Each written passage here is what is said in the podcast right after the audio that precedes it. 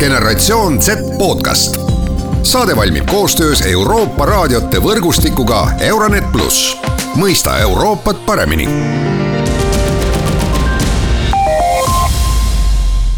Head Genset podcasti kuulajad, mina olen saatejuht Mart Valner ja mul on hea meel, et täna saame rääkida noortest ja noorte puhkuse harjumustest. minuga koos on siin üheksateistaastane Kärg, kes ise on noor, aga kes lisaks sellele, et ta ise on noor, töötab ka Tartu Turismi Infokeskuses ja teab seda, et kuidas ja kuhu noored ja peredega noored näiteks Eestimaal liikuda tahavad. aga alustame küsimusi sellest, et Kärg, sina ise ähm, olles, ma jälle ütlen, tüüpiline noor mis on täiesti vale lause, eks ole. kuidas oma suvepuhkust tavaliselt noored veeta tahavad, on see pigem Eestis, on see pigem välismaal või, või, või ei saagi sellist üldistust üldse teha? no tere ka minu poolt. mulle tundub, et kuna need viimased aastad on olnud sellised pigem väga keerulised siis äh, ka eelnevatel suvedel ikkagi reisiti ja mitte ainult suvedel, vaid ka talvevaheaegadel, sügisvaheaegadel, millal iganes. Vaba hetk oli, siis ikkagi reisiti pigem Eesti piires ja ka a la Soome, Rootsi, Taani, Norra, need, mis on natuke lähedamalt kättesaadavad. Ja, ja siis sellel suvel, kus on ikkagi noh, põhimõtteliselt need kõik piirangud ja asjad unustatud siis on hakatud avastama neid äh, kaugemaid piirkondi, et ma ise sellel suvel käisin äh, Roomas, käisin Horvaatias, noh, Krki linnas, kui me siin linnadest hakkame rääkima, ja ka Oslos, et, et kui võrrelda eelmiste suvede reisi sihtkohtadega, siis igatahes need mingil määral jäid kaugemale, kui, kui need on paar aastat olnud ja mulle tundub, et äh, samamoodi on ka minu eakaaslastel, eriti minu sõpradel olnud, et äh, üks asi, mis veel erineb, on see, et kui varasemalt mm, noh, kui ma vaatan enda nagu vanuseid, kes kõik on nüüd just lõpetanud gümnaasiumi, et kui varasemalt olid ikkagi sellised tüüpilised perereisid, mis on täis lihtsalt kultuuriprogramme, siis äh, nüüd on hästi paljud läinud lihtsalt just sõprade kambaga kuskile kaheks nädalaks reisile ja, ja mitte selleks, et, et seal hullult ringi vaadata, vaid a la lähevadki Hispaaniasse, Itaaliasse, kuskile mere äärde, et lihtsalt puhata ja lihtsalt olla. ja, ja see ka mingil määral erineb, aga ma ei tea, kas see niivõrd sõltub sellest, et, et varasemalt oli koroona ja, ja reisid pidid palju kompaktsemad olema või siis ikkagi just sellest, et, et gümnaasiumi lõpetamisega kaasneb ka mingisugune palju suurem vabanemistunne ja, ja minnaksegi uude kohta ja mitte selleks, et teda hullult avastada, vaid just selleks, et lihtsalt olla. Mm. -hmm mille järgi neid äh, kohti üleüldse valitakse, kas äh, on ka mingid kriteeriumid lisaks sellele, et läheme sinna, ma ei tea, kuhu on tollel hetkel odav lennupilet, eks ole, on seal ka äh, mingisugused kultuurilised, on seal mingisugused keskkonnalised äh, või mingisugu- või, või ka mingisugused konkreetsed huvipaigad, mida nii-öelda vaatama tahetakse minna ja kui on, siis äh, kas need on traditsioonilised äh,, tahan minna Kolosseumit vaatama Roomas või on või see kuidagi noortel ka äkki, äkki muutunud, et ma ei tea, tahan minna Greta Thunbergi kodupaika või midagi sihukest no kindlasti väga suurt rolli mängib see raha, et kui on odavad lennupiletid, mida tihtipeale just nendesse põhiturismi piirkondadesse õigel ajal otsides on, et siis ikkagi jah, see mängib hästi suurt rolli, pluss, pluss ka see, et, et sellel suvel on eriti palju olnud see ranna olemasolu äh, hästi tähtis, aga samas äh, olen ma tähele pannud, et tegelikult põhimõtteliselt kõik minu sõbrad ja tuttavad, kes on reisinud, on läinud ikkagi nendesse põhikohtadesse, et mul seesama Rooma, kus olid ka paar klassikaaslast ja noh, üldiselt äh, koolikaaslased, samas on käidud Portos ja just, äh, just selle kultuurilise väärtuse poolest.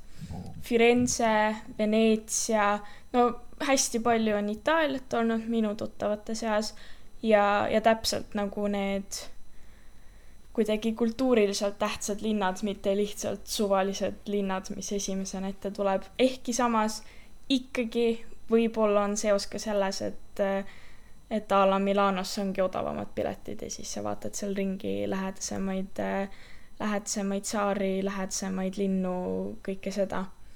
aga jah mm. -hmm. no aga äh, ma kujutan ette, et suur osa reise endiselt äh, sinu vanusel, eriti veel paar aastat noorematel, on, on sellised, mida otsustavad vanemad ja äh, nende lapsed lähevad nii-öelda perega kaasa.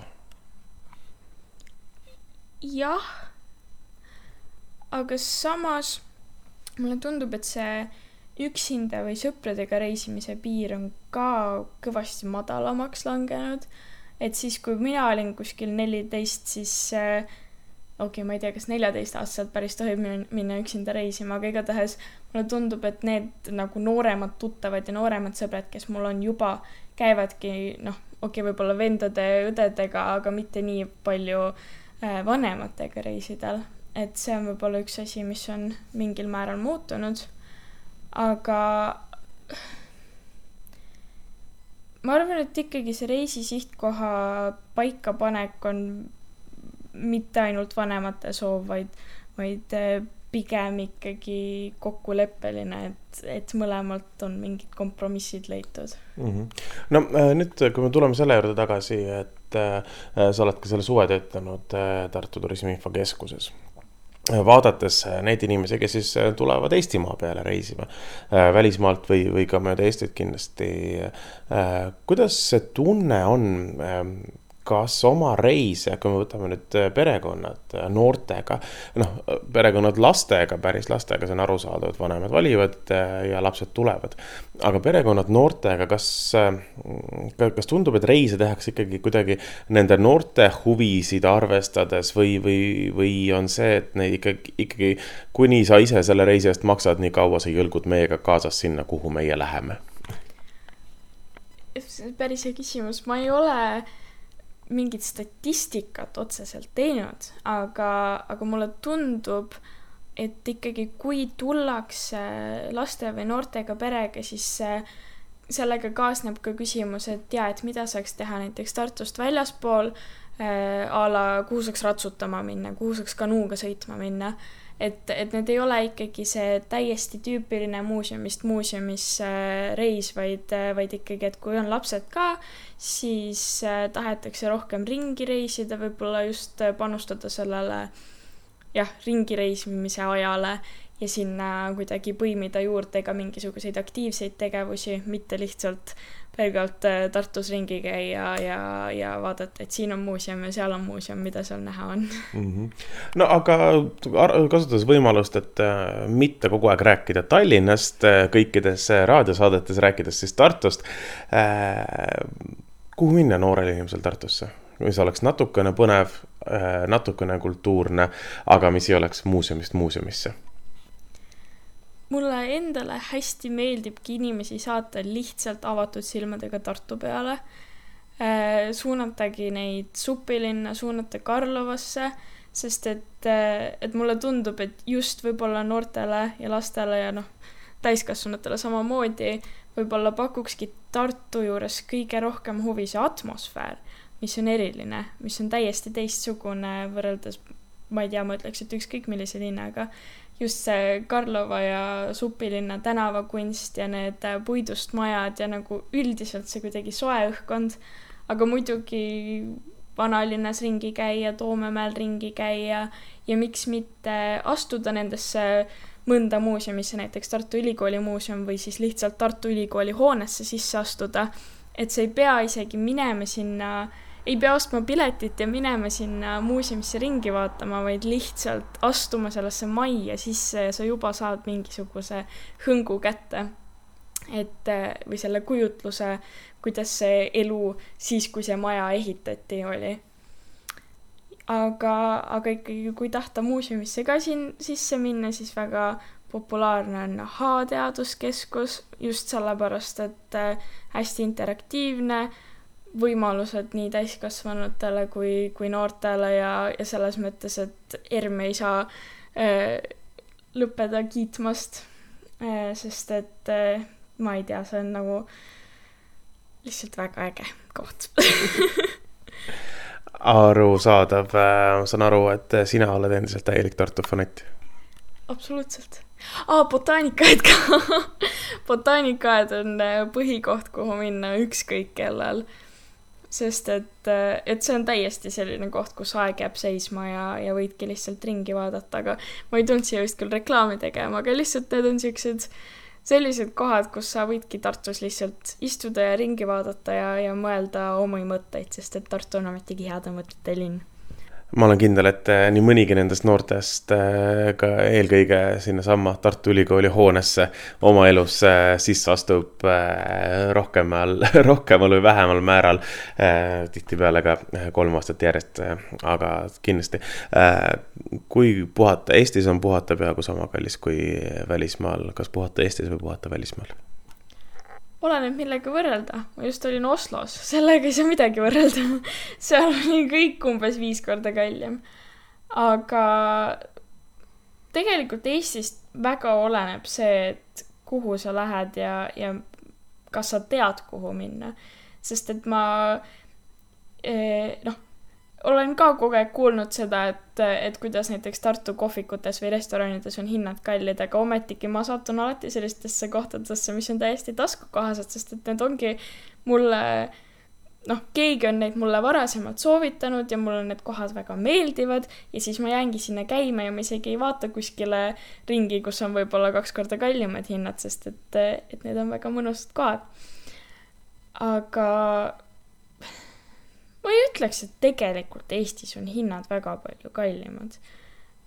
just sellel suvel on neid reise kuidagi väga palju sattunud ja mulle tundub, et no okei okay,, vähemalt väljas söömine igal pool maksab sama palju ja, ja ka teised hinnad ei ole väga no aga hinnad hindadeks, kas Jaa, puhata. Eestis või välismaal? aa, selles mõttes. ma arvan, et äh, keegi tark kuskil, ma ei mäleta, kes ja kus ja millal, ütles seda, et Eestis on nii palju, igal ruutmeetril äh, toimub midagi uut ja midagi vahvat ja põnevat, ehk siis äh, pole mõtet sinna välismaale minna, kui nii palju on Eestit avastada. ja ma pigem väga nõustun selle, selle ideega, et, et Eestis on nii palju näha igas Eesti linnas on nii palju näha ja neid linnu on juba päris palju, mida vaadata. Nii et äh, igatahes äh, alustada Eestist ja kui mõõt täis saab, siis võib-olla minna kuskile teise riiki ka vaatama. täna mine Pariisi enne, kui sa pole käinud Nuustakul. täpselt. ja. Eestis on ka Pariis. ja Eestis on ka Pariis, kärg, aitäh sulle. generatsioon Z podcast. saade valmib koostöös Euroopa raadiote võrgustikuga Euronet pluss, mõista Euroopat paremini